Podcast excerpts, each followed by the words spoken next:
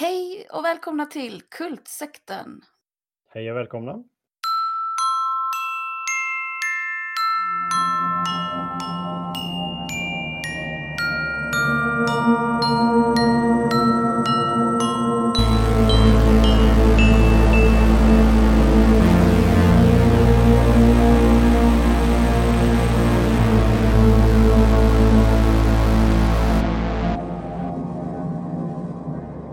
Här är Henrik Johansson. Det här är Anna-Maria Olsson, eller jag heter Anna-Maria Olsson. Eh, Och välkommen till Kultsekten. Jag började just fundera på barnen har börjat, börjat lära sig spanska och sånt. Och liksom, en del språk säger man mitt namn är eller jag är och ja, sånt där. Olika sätt att säga det helt enkelt. Mm. Min nombre es och så vidare. Det var det. Det Vi har det. sett, på tala om franska, eller spanska, så, så har vi återigen sett Marianne. Yes, de två sista avsnitten. Episod 7 och 8. Hur är läget med dig då? Jo, Ja. det är ganska bra. Jag mådde lite illa efter lunch. Jag åt nämligen upp det sista av julmaten. Jag kände Eh, att... Har du, eh, stopp, stopp, vänta, har du ätit lunch idag? Ja, Men vi, vi möttes ju här klockan 11, jag åt lunch innan klockan 11, jag tror inte det heter lunch innan 11. det var korv med bröd. Ja, men om man liksom äter frukost typ vid sju, som jag gör, så är det ju orimligt att vänta till typ till ett med att äta lunch. Ja. Okej. Det blir jättebra ju. Det är säkert Men, superbra. men jag tänker liksom att lunchen handlar mer om vad man äter än vilken tid. Att det är varm mat till exempel. Aha. Alltså att den... Jag äter ofta inte varm mat till lunch. Alltså jag käkar ofta Mm. så mackor eller någonting. Ja, det är lite Är det så. inte lunch då? Det beror på vilken tid du vaknat kanske. Jag tänker att... ehm, nej, det är klurigt. Ibland på helgerna så går till exempel, eller under vinterlovet, så går sonen upp så pass sent så att vi andra äter lunch och han äter frukost samtidigt. Mm. Och då äter ju han, alltså han äter samma sak liksom. Men jag gillar också att sova så att jag inte hinner äta lunch. Liksom. Det tycker jag, då mår jag nog bäst om jag käkar min frukost vid elva. Liksom. Mm. Fast jag är aldrig... Det kan vara skönt i och för sig, men jag vaknar liksom aldrig riktigt förrän jag har ätit känner jag. Jag är Nej. lite i halvdvala sådär. Men om du sover till halv elva? Det gör du aldrig. Nej. Okej, men mår du illa nu då? Eller har det gått över? Nej, det gick över. Det var nog inte så farligt ändå. Ja. gött. Sa du att du åt rester av julmat? Alltså jag åt upp de sista prinskorvarna. Okej, för det är ju ändå, vad det är, typ mitten av januari. Mm, så jag blev lite nojig blev jag så här i de här Ja. gamla. Kommer jag bli sjuk nu? Ja, jag tänkte det. Vi får se. Jag tror jag också mår ganska bra. Jag har strukturerade arbetsdagar nu för första gången på länge. Ah, Eh, och det är ju ganska skönt, tror jag. ja. Men för min del har det liksom, eh, jag har arbetat så gott som alltså någon timme, några timmar nästan varje dag under hela jul och nyårslovet. Men Ja. eh, nu börjar ju liksom de riktiga arbetsdagarna, där man arbetar hela dagen typ. Ja, nu har också, för att innan vårt fritids hade sån att man, även om man liksom jobbar så bad de att man kunde hålla barnen hemma om det Mm, gick. Samma Så här. det, det har vi gjort det här jullovet. Och det är ju komplicerat. Alltså det blir jättekonstiga arbetsdagar. Man ska fixa sysselsättning och man ska ordna frukost och lunch till dem och Mm. råda med deras grejer och sånt. Och sen mitt i det ska man försöka liksom få in jobb så gott Jag har det går. ganska svårt att jobba om jag vet att jag kan bli avbruten precis när som helst. Mm. Så. Jag kan nog vara tvärtom att jag jobbar så himla intensivt de stunder det funkar. Och sen Ja. kanske det plötsligt då funkar två timmar så har jag liksom inte, inte riktigt andats på hela den tiden utan bara så, Jobbat helt supermycket. Och det är inte, så, så jobbar jag inte om jag vet att jag har, alltså om jag vet att nej, men nu har jag de här timmarna till detta. Då jobbar jag inte på det sättet utan då jobbar jag lite mer hållbart liksom. Mm, Så det mm, tror jag har varit en grej för mig att jag blivit så här. Plötsligt har jag gjort nästan en hel veckas jobb på en dag och så bara shit. Mm. Superförvirrande. Jag har lite svårare att ta ordentliga pauser när jag jobbar hemifrån känner jag. Ja, men det är ju precis, det blir väldigt otydligt allting. Eller så blir det bara som att det blir för mycket pauser eller för lite pauser. Typ. Ja. Och jag tänker mycket på sånt, men alltså när man är på ett jobb och så går man ut och så tömmer man diskmaskinen och torkar av diskbänken som en del i att ta hand om sin arbetsplats. Liksom. Mm. Uh, och sen kanske man ja, men går och vattnar blommorna och sen går man och jobbar igen. Då har det ändå varit jobb hela tiden på ett sätt, även om det har varit mm. omväxling och man har tagit hand om arbetsplatsen. Men om man gör det hemma, mm. då är det fortfarande att man tar hand om sin arbetsplats egentligen, för att hemmet är ju ja. arbetsplatsen. Ja, det Men det är, väldigt, det är väldigt svårt att tänka att, alltså väldigt svårt att räkna in den tiden i jobbtiden, om du förstår, så som man gör om man är på jobbet. Mm. Utan då blir det mer så här, bara, nej men nu var detta nog paus. Men jag försöker i alla fall strukturera det och jag trivs med det och jag har äntligen så här pärmar och register och mm. planeringar och sånt som jag gillar. Ja, ja. Inplanerade möten. Ja, uh, sen har... så är det inte så att allt har ordnat sig för min del alls, utan Nej. allt är liksom fortfarande flyter väldigt mycket och inget är säkert. Men nu är jag i alla fall igång och gör saker som jag gillar Hoppas att göra. Hoppas verkligen det ordnar sig. Ja, Hoppas verkligen alltså, det hade varit så jävla gött med en inkomst känner jag. Mm. jag har typ jag har extremt låg eh, a-kassa och extremt låga inkomster nu. Mm. liksom, utanför a-kassan. Så jag bara... Men, tänker, om man jobbar som att det är ett jobb så blir det kanske ett jobb. Så kan det bli. Eller så jobbar man bara mm. gratis jävligt mycket, så kan det också bli. Så kan det också bli. Marianne, eller? Marianne, ja absolut. Marianne. Vad heter avsnitt sju? Vad heter avsnitt sju? Det är en bra fråga. Um... Det heter Vi var för unga för att kunna hantera det på svenska. Mm, det, är, okay. det är också ett sånt, det skulle man ju aldrig döpa ett avsnitt till. Det är ju en översättning som inte funkar som titel mm. tycker jag. De är lite så här, istället, istället för att bara heta Vi var för unga. Ja, eller för unga för att hantera det. Eller vad som mm. helst. Så, mm. Eller för unga för, ja nej du har rätt, Vi var för unga är bäst. Ja, men det börjar ju med eh, när, vad ska man säga, den kroppsliga fysiska Marianne Baselin eh, begravs på, är det 1600-talet? Yes. Det börjar i graven där. I graven. Det är ja. en... Eh, Mycket snyggt tycker jag. Vad ska man säga? En präst av det lägre kvällsorten kanske? Ja, eller en munk I, eller någonting. Alltså det är inte liksom en biskop utan de, som ska eh, tända eld på, elda upp kontraktet mellan Marianne och är det djävulen eller är det med hennes make så att säga? Demonen? Jag har, jag har ingen aning om vad det är för papper faktiskt. Ja. Ja, de det det här... Har de pratat om det innan? Liksom, att det finns ett... Jag, eller introducerat det i detta avsnitt? Nej. Lite osäker på detta. Så att ja. det är, men det är ett slags häxkontrakt liksom, som ska eldas upp och då kan, hennes, då kan hennes själ bli frisläppt så att säga. Det är svårt att tända eld på det här jävla pappret. Eller om det är liksom i läder eller vad det är. Och eh, det är, blir inte lättare när det liksom börjar dyka upp eh, demoner ur grav, gravens, eh, vad ska man säga, eh, kanter. det här är på 1600-talet och de här demonerna är liksom så himla fina 1600-tals skelettgubbar som ser ut mm. precis som sådana här alltså, såna medeltida helvetesmålningar och sånt, att de är nästan lite komiska. Ja, men lite alltså, så här, överdrivna med... Eh, jag tänker på sådana här gargoyles som är stenstoder som finns på Notre Dame till exempel. Men de är väl inte lika de alls? De har ja, inte de här... De räcker, ut, de räcker ut tungan och ser Ja, de räcker ut tungan, ja precis. Men som är så här, um, det är liksom skelett. Mm. Alltså du vet sådär tillverkade dödskallar. Mm. Med, utsträckta, med öppna munnar och utsträckt tunga. Och det kan man inte riktigt använda. I, alltså, det var ju läskigt på 1600-talet. Det är inte riktigt läskigt längre. Alltså, mm. Det är nästan en parodi. Det finns här i Tales from the Crypt. Det är en sån som sitter och introducerar programmet med lite ironi. Liksom. Mm.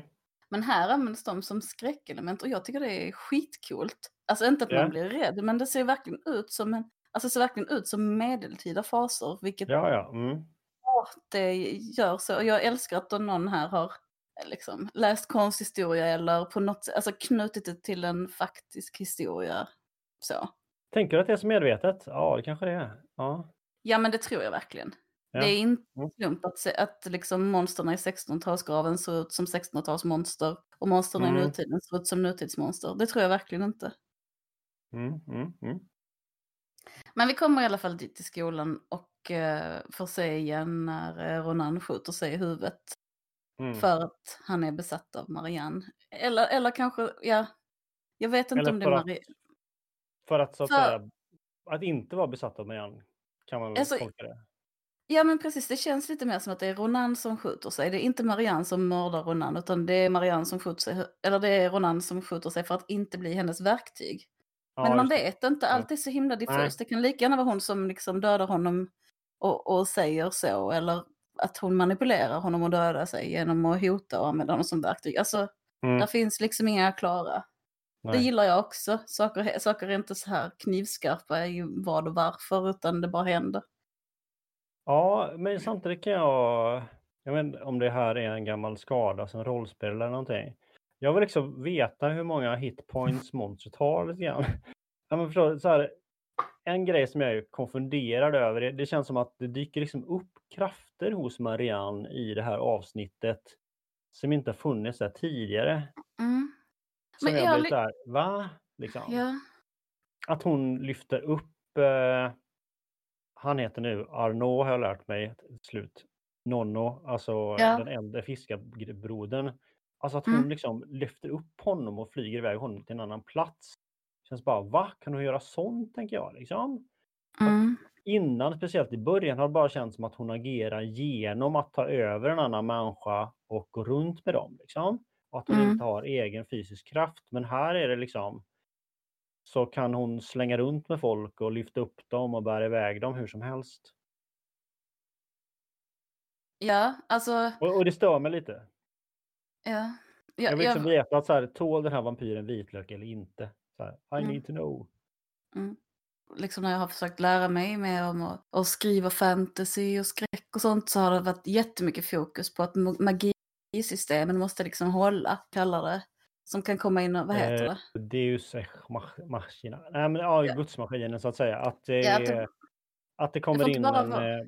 Eh, en lösning från ingenstans som är helt ologisk och inte funkar med resten av handlingen. Liksom. Att, eh, Nej, eller man får inte håller på att skita sig för de grekiska, grekiska kungasönerna och döttrarna men så dyker Zeus upp så här från himlen med en vagn. Liksom, typ. Ja.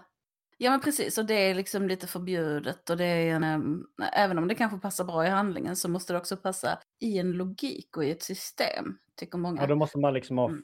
Planterat innan, brukar man säga. Ja, precis. Exakt. Och, ja.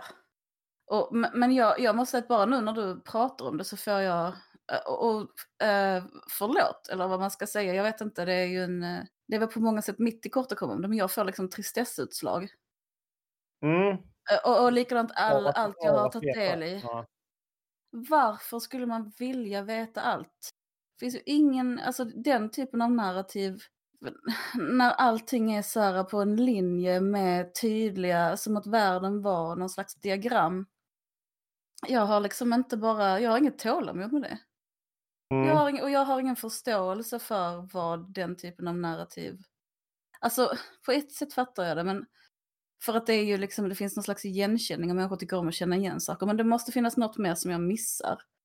För jag kan tycka lite så... om att det känns som ett slags berättartekniskt fusk eller nödlösning liksom.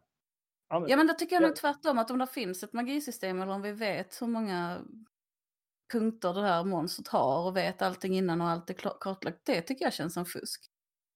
Ja, det, då har man ju bara ett ja. jätteenkelt litet jävla, som ett schackspel med de här reglerna. Men världen är ju otroligt komplex och finns på så många nivåer och saker ändrar sig. Det är ju roligt om det avspeglar sig i fiktion tycker jag. Ja men till exempel, någonting som jag ogillar då, ja. Eh, så fyrkant som jag är, det är att man, liksom, man kallar eh, Agatha Christies deckare för pusseldeckare. Mm. För min del så är det som att, att få den informationen som vad jag kan se i boken Miss Marple mm. får, eller Poirot hette mm. ja. eh, Så då blir jag lite provocerad när på sista sidan bara och så är det så att de här två är egentligen är bröder. Alltså bara okej, okay, fast men jag tycker att det är, det är liksom två rörelser och jag tycker det känns som din, den här, eh, eller det borde vara två rörelser. Det finns dels den här, liksom, det berättar tekniskt pussel, pusslet, diagrammet mm. liksom. Att allting, och, och, så ska allting knytas ihop på slutet och då ska man känna så här, mm, oh, tillfredsställelse liksom. Men det borde finnas en lika stark rörelse mot kaos. Mm. Jag tycker jag, jag vill jättegärna alla som lyssnar på den här podden som tycker om kaos, snälla kan inte skriva till mig. Ja, men, Jag känner mig alltså, alltid så himla ensam för precis det du säger, jag har hört det tusen gånger. Och jag, alltså, okej. Fast det, Jag, tycker om, det, jag tycker jättemycket om dig Henrik, men det tycker jag är sån jävla bullshit. Alltså, fast det finns, jag, jag måste säga att för min del så är det, det finns såklart någonting eh, motsägelsefullt i det. För att jag vill ju naturligtvis också bli överraskad. Det är ju jävligt tråkigt att titta på någonting och man fattar vad som ska hända hela tiden. ja men det förstår jag. Ja. Det, det är ju astråkigt Mm. såklart. Så jag vill också bli överraskad. Men inom ett system där allting har... För att jag, jag gör så ibland när jag skriver historia, så går jag tillbaka sen och så lägger jag in såna här små nycklar som gör att det ska kännas mer rätt sen, att det ska hända. Mm. Och, och jag, men jag skulle egentligen vilja ha historien så som de var från början utan de här nycklarna. Ja. Men när du till exempel... Eller skulle jag Du har det? ju hållit på en del med kampsport. Hade det Ja. inte känts grymt oschysst om någon plötsligt bara drar fram ett baseballträ när ni ska ha en boxningsmatch och bara haha, Nej, jag jag nej, basebollträ, nej. smack, smack, smack. Nej, jag har, jag har aldrig gått matcher. Jag hatar det. Jag har alltid brukat träna realistiskt försvar mot vapen till exempel. Det är den typen av kampsport jag alltid har tyckt var roligast. och- det är precis det som är grejen. Man vet inte reglerna innan. Man måste liksom... Man måste träna sig på det oväntade. Men du hade blivit sur om någon plötsligt hade bitit dig liksom, eller? Nej, jag har blivit biten många gånger. Okej. Men, ehm, men inte, alltså jag blir sur om någon biter mig hårt och skadar mig när inte det är dealen, såklart. Mm. Och det gör sjukt ont att bli biten, så man ska ju liksom bara så säga jag kan bitas helst. Mm. Eller akta dig, jag kan bitas här. Och sen, finns det, sen har jag också haft tränare som har sagt det är värdelöst att bita och det är aldrig tillräcklig skada för att man ska göra någon skillnad i en fight. Men det, jag tror inte riktigt det är sant faktiskt. Jag tycker det känns... Nej, alltså i en grapplingssituation känner jag att det skulle, liksom om man typ är, är någon höll på att choka ut den så känns det ju som en jävligt bra idé att bita någon i armen. Ja, jag tycker också det. Och det är i alla fall bättre än inget. Mm. Detta kanske är skillnaden på modernismen och postmodernismen. Ja, kanske. Marianne, eh, Ronan Ja, skjuter, ja, och, och eh, Marianne skjuter Ronan, eller Ronan skjuter sig. Eh, och sen så åker Ronan upp i luften så här och hänger i luften så som Camille har gjort medan eh, Marians kropp, eller Marians eh, ande lämnar hans kropp. Mm. Och då blir de skiträdda för det, för de bara så "Ah, hon är ute i luften, vi vet inte var hon är. Vilket jag tycker är, är ganska roligt att de, de får sån skräck Mm. av, av det. Jag tyckte det var lite läskigare med killen med en pistol. Alltså, Mm. ja. Men det, var, det borde väl också vara uppenbart på något vis, eller? Ja, precis. Men de blev ändå jätterädda för det. Ja, Jag kan liksom inte räkna med att Marianne är kvar i Ronans kropp när han har skjutit sig. Nej. Men han kommer Ja, man- tillbaka till den Vi sen. kanske, vi kanske inte ska lasta, lasta dem för det. Nej. Nej, men de har panik och springer iväg åt alla håll. Eh, Emma springer in i en bil och då låser in sig där, jagad av en jätteläskig hund. Det är prästens Fast är, hund. det, fast är det inte... Blandar ihop saker? Är det inte så att de först, det är liksom hunden de springer från först? Det, Jo, det, kanske. då, det, det är liksom, de inser att nu har Marianne tagit hunden. Så för, ur häxperspektiv kan jag tycka att det är ett jävligt märkligt val att ta hunden och inte ta Men är det inte så att-. Men Att inne i rummet med Ronan, där så är inte hunden, utan de springer liksom därifrån för att de är så här, ah, Marianne är ute i luften här, typ vi andas Marianne, kom vi springer, är min känsla. Mm. Och sen när de kommer ut och hör de morrandet och bara nej, nu är hon i hunden. Och då hoppar Emma in i bilen och sitter där. där får man ju sådana Kojo-vibbar. Ja, Men det blir inte riktigt Kojo av det. Men Nej. Men det är en, en läskig hund faktiskt. eh. ja, Eh, jag är ingen tar- hundvän heller. Nej, ja. Nej. Eh, Aurora och Sebi spri- springer till någon, in i skolan igen eller i något annat Mm. klassrum, jag vet inte riktigt. Och där är Lucy, Auroras lilla systers apa. Hennes, Fula lilla apa. ja, någon jätteläskig liten sån här leksak. ehm, som säger, börjar prata så här lite snällt, kittla mig och, eller kittlas inte och sånt. Och sen så börjar den snacka om att den har ätit Sebis baby. Och hur Mm. den har ätit och hur den åt näsan. Och, ja. Jätteobehagligt. Ja, och, och fiskarbrorsans brosse säger, eh, konfronterar också Nonno, den här bron som lever eller finns i vår verklighet, eh, om hur dum han var mot Aurora i förra avsnittet. Mm. Eller hur? Och det. bara Ja. så här, vad håller här, du du på älskar ju med? henne egentligen också. Kom igen nu. Ja. Hon är egentligen den enda du någonsin har älskat. ja, det är fint. Mm. Och aggressivt på ett roligt sätt. Men är det här någonstans, eller har vi missat det? Han, att eh, Marianne kommer ju in i Ronans döda kropp igen. Liksom. Mm. Mm. Och leviterar den och ser, skriver någonting på tavlan. Vad skriver hon? Skriver? Jag, jag, jag kommer inte ihåg, faktiskt Nej. inte. Mm. Men där är också e-, en, um, innan hon tar fiskarbrodern så hotar hon ju Aurora en massa. Och det är bara mm. Aurora som ser den här jätteläskiga Marianne gå mot henne i rummet. De andra ser inte Marianne. Så det är så mm. himla obehagligt att se Auroras panik och skräck. Och de andra bara tittar sig omkring och ser inte det hon ser. Hon sen tar också, runt. Ja, sen misshandlar hon Aurora på ett eh, sätt som ser så grymt ut. Alltså hon bara, Aurora är väldigt så liten och späd och hon tar henne och slänger in i väggen på ett sätt som ser ut som, ut som hon ska dö tycker jag. Alltså ser ja, jätteobehagligt ut med en... Så länge en docka automatisk i väggen. Ja, lilla människan bara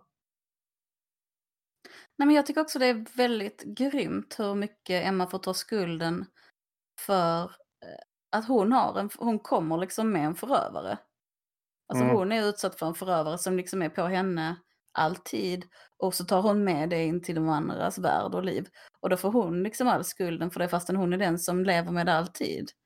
Mm. Uh, och de säger också till henne, när hon, hon, för hon ber ju om ursäkt hela tiden och bara säger förlåt för allting. Liksom. Mm. Uh, förlåt för att jag kom hem med Marianne och förlåt för att jag var där när din syster dog och förlåt så. Uh, och då säger de att du är oförlåtlig, vi kan inte förlåta dig. Liksom men det här berättat helt bakvänt så det blir ju sen att de ändå kanske lite förlåter henne när hon säger att hon är beredd att, eller att hon yeah. liksom visar att hon inte är rädd för att dö för att hon ändå inte har något hopp kvar eller vad man ska säga. Ja, hon hänvisar sen... också till Sebby där och liksom att, att du vet ju att det var inte jag. Liksom. Du, att, du sa det i bussen här innan hon åkte bort så här att du är det, det ja, att det ja, var någon det. annan att säga. Ja. ja. Och sen vet jag inte riktigt vad som händer. Det blir dagas kanske eller någonting. Nästa man ser är i alla fall Emma hemma hos sig, eller hur? Eller har jag missat att anteckna någonting? Men är sexet det är hemma hos Emma. Eller, ja. eller, eller, eller är det, ja, det, nästa det är detta avsnittet. Ja, det är det, i detta avsnittet. Ja, men, jo, men det är det, detta. Och då måste väl det komma näst här. Ja, precis. Men jag vet inte riktigt vad som, hur de... Eller ser man att hon sätter sig ner och skriver först? Nej. Nej, nej, jag tror inte det. I alla fall så ligger hon hemma duschad och liksom äh, återhämtad i sängen och då knackar det på hennes sovrumsfönster och där är Siby och vill klättra in. Och så ska de ha liksom, hon berättar att det kändes aldrig som att hon blev av med sin oskuld utan det kändes bara som att hon hoppar rakt in i vuxensex, liksom, eller vad man ska säga. Mm. Och så kör de någon sån grej att de ska ta tillbaka det de förlorade i tonåren, liksom. Och ja. ha en natt. Men där är någonting skumt och knepigt med det hela tiden. Ja, det är det. Jag, jag... Det är någonting med... Det är mm. väldigt mycket drömvibbar, tycker jag. Det är mycket av det. Är någonting är... med hur Sevys ansikte hela tiden kommer i bild som känns väldigt mycket, titta inte någon annanstans, typ. Alltså så. Ja. Att, förstår vad jag menar? Att det liksom är så här avskuret nästan, att man inte får se omvärlden, att det inte placeras i ett sam... Han placeras inte i ett sammanhang liksom. Mm. Men det är ändå, det är ändå väldigt gulligt. Och... Mm. Men jag var jag väldigt inte. så, eller det var mina tankar under scenen var väldigt så här, är det på riktigt? Är det här en dröm? Är det på riktigt? Ja, precis. Liksom. Och lutade men man är aldrig säker. Ja, men sen kommer det liksom någon, några grejer som får en att tänka att nej, men det var nog inte en dröm. Och så att kontakten mm. känns äkta dem emellan och så. Ja. Och sen, sen nästa dag så vaknar Emma ensam. Fönstret är öppet så hon tänker att Sebi vill ha stuckit. Mm. Hon vaknar av att det knackar på dörren och då är prästen där. Och precis innan det klipps får man se hur prästen gör någonting som ser ut som att han slår till henne. Ja, det att han bara såhär, dysch! Ja. Och så en smäll eh, och hon får typ näsblod och trillar bakåt eller någonting. Och sen så, sen slutar avsnittet. Och efter mm. det börjar avsnitt åtta som heter Det är tisdag. Eh, och det börjar med igen att det ser ut som att prästen går omkring och prylar Emma hemma hos dem. Alltså går omkring och smäller till henne med någonting. Och ha liksom som... korset framme så här och um, mm. lite djävulsutdrivnings, exorcismaktigt där. Ja, precis. Han säger hela tiden sådana här exorcismgrejer. Ja. Jag kan inte dem, men sådana latinska. Är typ latinska så här. Ja. Piss off Satan liksom. Precis. Det på engelska istället. För latin. ja. Och han driver henne upp till hennes sovrum där han liksom får mm. henne mot väggen. Uh, och hon blir, är liksom så bara, sluta slå mig, vad, vad håller du på med? Nej, och då, mm. Ja, och, och då säger ju prästen att jag har inte alls slått dig utan jag har bara skvätt vigvatten på dig. Uh, och där, det är töntigt att vara efterklok kanske, men så här, om man är präst där och tänker det här är en häxa framför mig, så ska man ju mm. inte så här låta henne ta, tag, ta, ta upp pistolen liksom. Nej, det är konstigt hur han här, låter henne ha pistolen hela tiden. Lite otaktiskt mm. kanske. Och som Men det är det ju... skjuten. Ja. ja. Men innan dess så har för Emma är så här, bara va? Vadå, du har ju slått mig och sen så bara försvinner blodet och hon är förvirrad och så äh, säger hon, men jag är inte Marianne. Och då säger prästen typ, är du Marianne? Och då svarar hon ja och skrämmer skiten ur sig själv. Ja, det är en oui. väldigt cool scen. Han bara, oui. Jag gillar den, jätte, jag gillar den jättemycket också. Hon säger oui ja. och sen liksom och ja. håller på munnen. Liksom. ja, väldigt, väldigt coolt. Jag är Marianne. Och, men jag kan också känna igen det att det finns delar av en själv som kan agera lite som man inte riktigt har koll på. Alltså det här mm. undermedvetna. Och det är så, så himla obehagligt. Ja, ja, exakt. Och man har så impulsiva sidor man inte riktigt har kontroll över. Alltså alla ja. människor har ju det mer eller ja, jag, har inga, jag har inga exempel men det är så här. Oh. Säga så här du tycker ju faktiskt det här. Så bara, Nej det gör inte alls. Bara, jo det tycker jag nog visst förresten. Ja men det är någonting djupt mänskligt i, i mm. den upplevelsen. Men där någonstans äh. ser man väl också, jo just det, när, när prästen jagar upp henne på rummet så att säga. Ja. Eh, så ser ju han också att så bara, åh nej, allting är för sent. Du ja. är besatt av henne, du har skrivit. Mm. Och då mm. står ju hennes datorn, står, laptopen står uppe och det liksom håller på och rullar. Och man ser mm. att eh, hon har lagt Folk upp någon, ett, ett, nytt kapi. Eh, kapitel mm. på, sitt, på bloggen och det står rullar en folk som trycker dislike typ liksom. Och, och han blir också väldigt fint uppgiven prästen och, och lite rolig. Vad så här, mm. Han säger något sånt där igen, bara ja men hela mitt liv har jag laddat för detta och jag har liksom, man får se någon återblick för honom också senare, att han har, sen han var ett litet barn har han vetat att han var en fighter liksom. Och han mm. skulle ta fighten mot ondskan. Och sen bara, och nu är den här och jag är bara pissvärdelös. Ja. så här helt ja. uppgiven bara, hon skjuter honom och han bara, ja jag skjuter, men jag ska dricka lite sprit och han är, han är jätterolig alltid. Men sen... Ja, jag trodde han skulle liksom göra, du vet, klassisk eh Eh, macho... Tvätta såret? Tvätta såret med sprit. Men istället så bara... Ja, ja nej, nej, han bara... han tar djupa klunkar, jättesur och bitter. Hans mamma liksom så här bara, åh dina rackar unge händer kan inte liksom duga till någonting fint, du får slåss för, mm. för, för Gud istället. Ja, för han blir en som ska slåss för det goda. Och så in, in i det här finns också inspringt eh, återblickar till Emmas barndom när de flyttade till det här huset. Hur hon hittade Marians grav i trädgården. Och sprang mm. och lekte där och pratade med Marianne och så. Mm, det är lite ja. nice tillbakablick kan jag tycka. Ja, Man får liksom se att eh, Marianne viskar till henne och att hon ska finnas i hennes drömmar och sånt. Att det, man, mm. att det är där någonstans kontakten mellan Marianne och Emma har tagits, etablerats. Och då har ju också Marianne sagt att du ska drömma om mig, du kommer drömma så mycket om mig. Och det är ju de drömmarna som sen blir böckerna som sen ger Marianne energi. Men mm. nu har ju Emma, nu är Emma Marianne och hon har skjutit prästen så hon går ut i trädgården och letar upp den här graven igen, välter undan ett skjul som är byggt mm. över. Och sen sticker hon ner handen i det här, det är som ett kaninhål som går rakt mm. ner. Inte stort nog för en människa att komma upp genom egentligen. Men hon sticker liksom ner armen och och det är ganska så jobbig musik och man ser hur hennes arm sträcks längre och längre ner. Man är så här, kan hon bli neddragen nu? Eller ja, vad kommer precis. hända? Vad kommer möta ah. henne? Liksom? Och sen så ser man en arm leta sig upp mot henne och hur de når varandra och tar tag.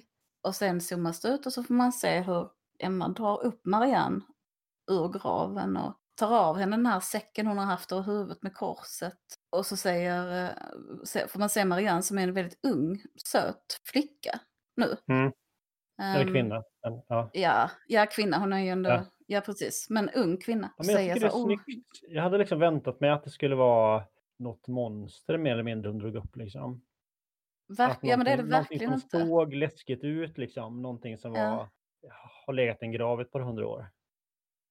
Men det, jag tycker det är väldigt, där är något väldigt intimt dem emellan som, som också känns som det lite grann har med våld att göra eller att någon har makt över en. Eller, jag kan inte riktigt beskriva mm. men det känns sant på något sätt.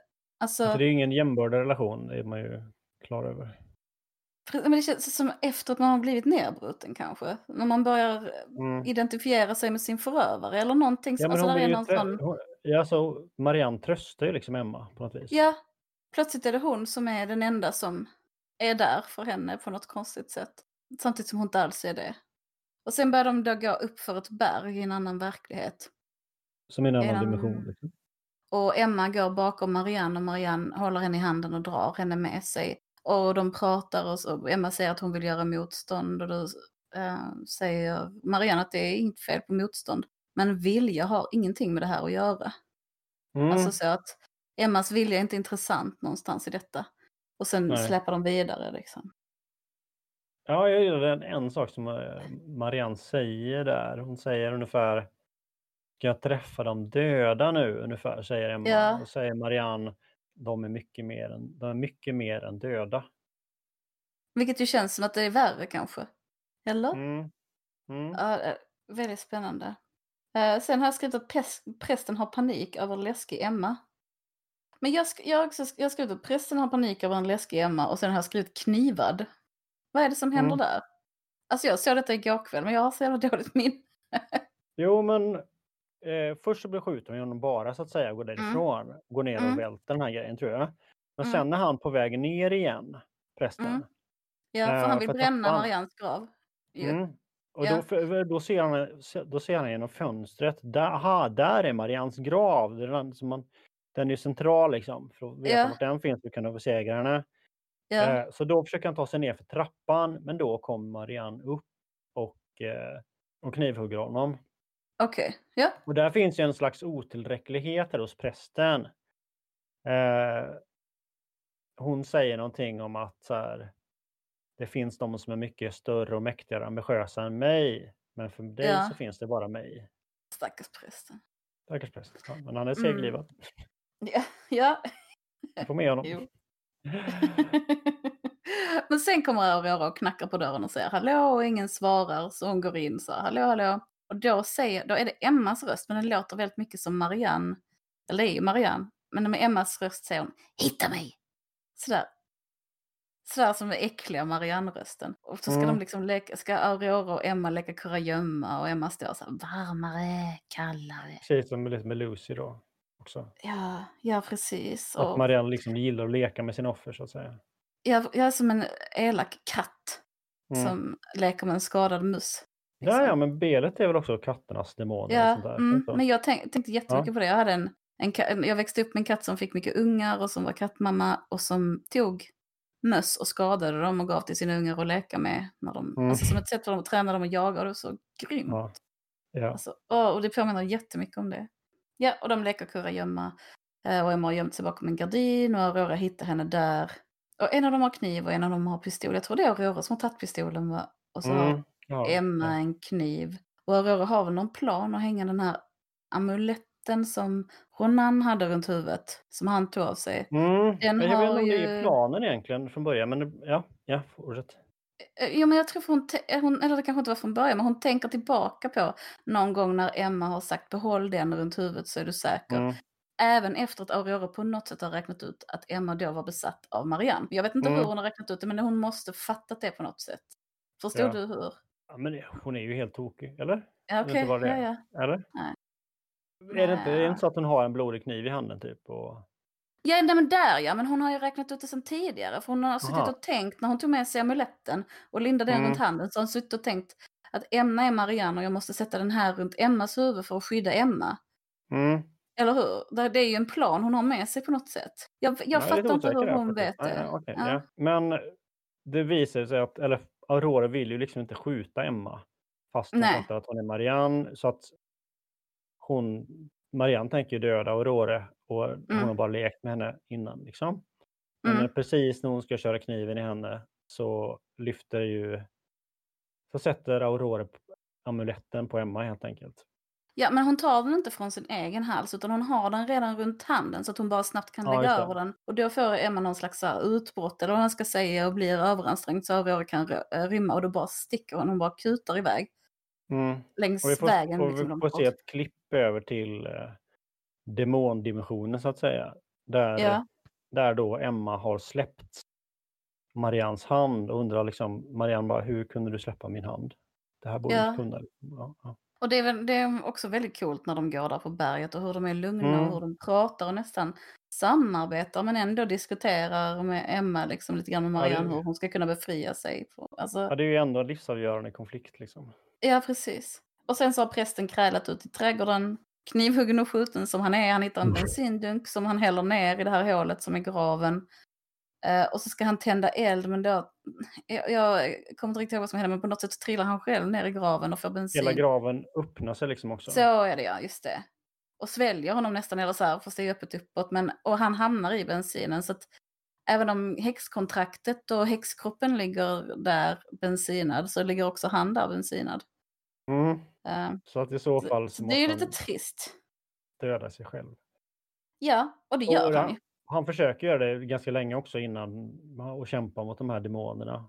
Ja, som också nu är det de medeltida demonerna, alltså det Mm. utseendet i den här tiden. Men det är ju den medeltida graven han trillar i liksom. Ja, Men ja, och, och där ligger ju kvar den här säcken. Och... och, och då, jag vet det, Aurora springer ju iväg men kommer sen tillbaks igen. Hon ångrar sig och då eh, försöker ju, Först är det grejen med ba- basebollträet, eller?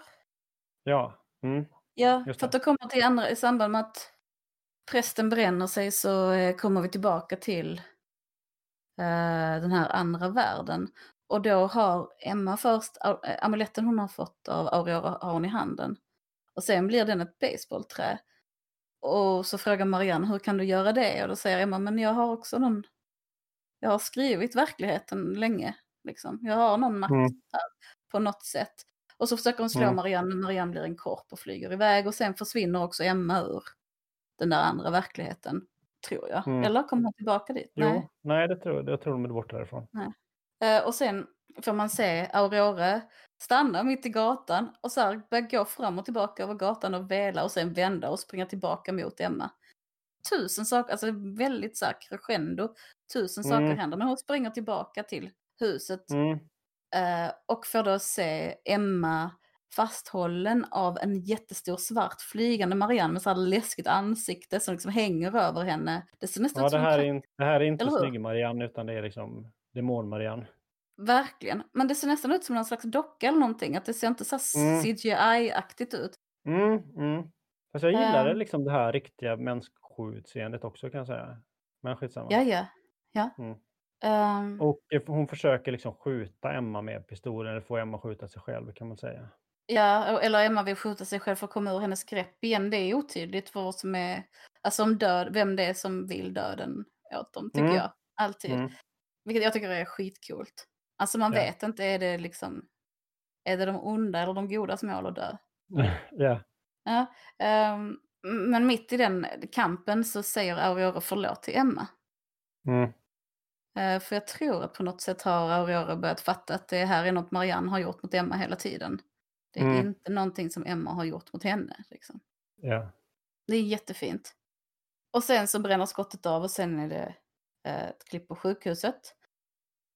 På tal om, jag hänger inte också här riktigt med crescendot där, men är det så att prästen till slut får eld på skiten samtidigt som skottet går av, eller? Nej, jag tror han får eld på skiten samtidigt som hon slår med basebollträet. Men allting okej. är ju så här bara... Det är massa scener, klipps hit och dit, så det är inte så lätt att Mm. veta. Plus att det är så jävla intensiv musik. Mm. Så att, jag vet inte, jag är hela tiden, jag är på helspänn på ett konstigt sätt. Jag kanske får gå och tillbaka och se upplösningen en gång till. Ja. Vill du det? Ja, kanske. Bara de Ja, fem minuterna. roligt. Ja, jag får se. Ja, Ja. Jag ska ta reda på vad det var som hände egentligen. Ja. ja, jag förstår. På sjukhuset i alla fall vaknar, eller vaknar Emma av att Aurora sitter där. De frågar varandra om någon av dem är Marianne och det är de inte. Och sen säger Emma igen förlåt till Aurora och då säger Aurora äntligen sluta säga förlåt. Mm. Vilket är, ja, jag tycker det är väldigt så här, tungt och bra och härligt. Ja. Och sen, jag vet, har vi sett det tidigare någon gång under de här två sista avsnitten? Eller? Eh, att, jo, någon gång har vi sett det, att Camille ligger liksom hemma och sover hos Emma. Och är typ eh, halvt, vad ska man säga, traumatiserad. Eller helt traumatiserad, men lite Eh, katatonisk. Jag har helt missat, jag, jag tyckte hon var på sjukhuset, att de sa att hon hade vaknat när de var på sjukhuset. Så kanske det var. Ja. Eh, m- men hon, på grund av psykologiska skäl vägrar hon prata men Emma hämtar henne. Ja, jag vet inte. Så det, man märker på sig sjukt intensivt. Allting knyts ihop på fem minuter. Mm. För jag tror de säger där på sjukhuset att Camilla har vaknat och sen åker Emma hem tillsammans med sin pappa. Och så äter de fyllda tomater igen. Och kramas Ja, exakt. som traditionen påbjuder. Och sen åker Emma till sjukhuset för hon ska skjutsa hem Camille till sin mamma. Mm. Eh, och på vägen om där stannar de om Sebi och han säger att vi, Emma vill liksom säga hej då och det var sjukt nice att, eh, när vi hade sex typ, jag vet inte, någonting i den stilen. Och han Mm. blir helt förbannad och bara vi har aldrig haft sex, sluta komma hit och förstöra, lägg av, dra liksom. Mm. Eh, och sen så försöker, eh, sen så börjar de köra iväg igen. Emma börjar kräkas hela tiden trots att det bara är två dagar sedan de hade sex. Så det är en snabb, snabba, Mycket inte ens snabbt. jag är så snabb på att märka att jag är gravid tror jag. Mm. Att jag har varit. Eller jo, faktiskt en gång. En gång jag tror att jag märkte det nästan genast. Men inte på två dagar, men på en vecka typ. Men på två dagar börjar hon kräka och eh, Camille vet på något sätt att hon är gravid. Med ett hälsobarn. Köper ett graviditetstest och det slutar med att Emma är gravid. Men tror du att det är ett helspån? Det är lätt ett hälsobarn. Där är ju Aha, minnen tillbaka okej. till när hon, eh, är, när hon har sex med Sebi och så kommer det en svart demon in i det. Så, så snabbt klipper de över till det och sen är det Sebi igen. Att hon börjar liksom minnas att det var någon annan med där, någon hemsk. Så hon är ju på smällen med Marians barn eller Marians makes barn eller någonting i den stilen. Mhm. Aha! Okej. Så de har ju lagt upp för en jättebra Rosemary's Baby säsong Aha. två. Ja. Ja, jag hade så himla gärna velat se. ah, okej, okej. Mm. Ja, ja, men det är Mm. ju logiskt. Däremot, jag var också så här lite så, ja, här går det snabbt med graviditetstesten liksom. ja, verkligen. Men det, jag tänkte, jag blev irriterad först för man kan inte se, och inte, efter två dagar så finns det inte tillräckligt mycket progesteron i kroppen för Mm. att man ska kunna se att någon är gravid tror jag. Jag kan inte tänka mig det. Men så jag var först väldigt irriterad på det, men sen tänkte jag på att det är ett hälsobarn.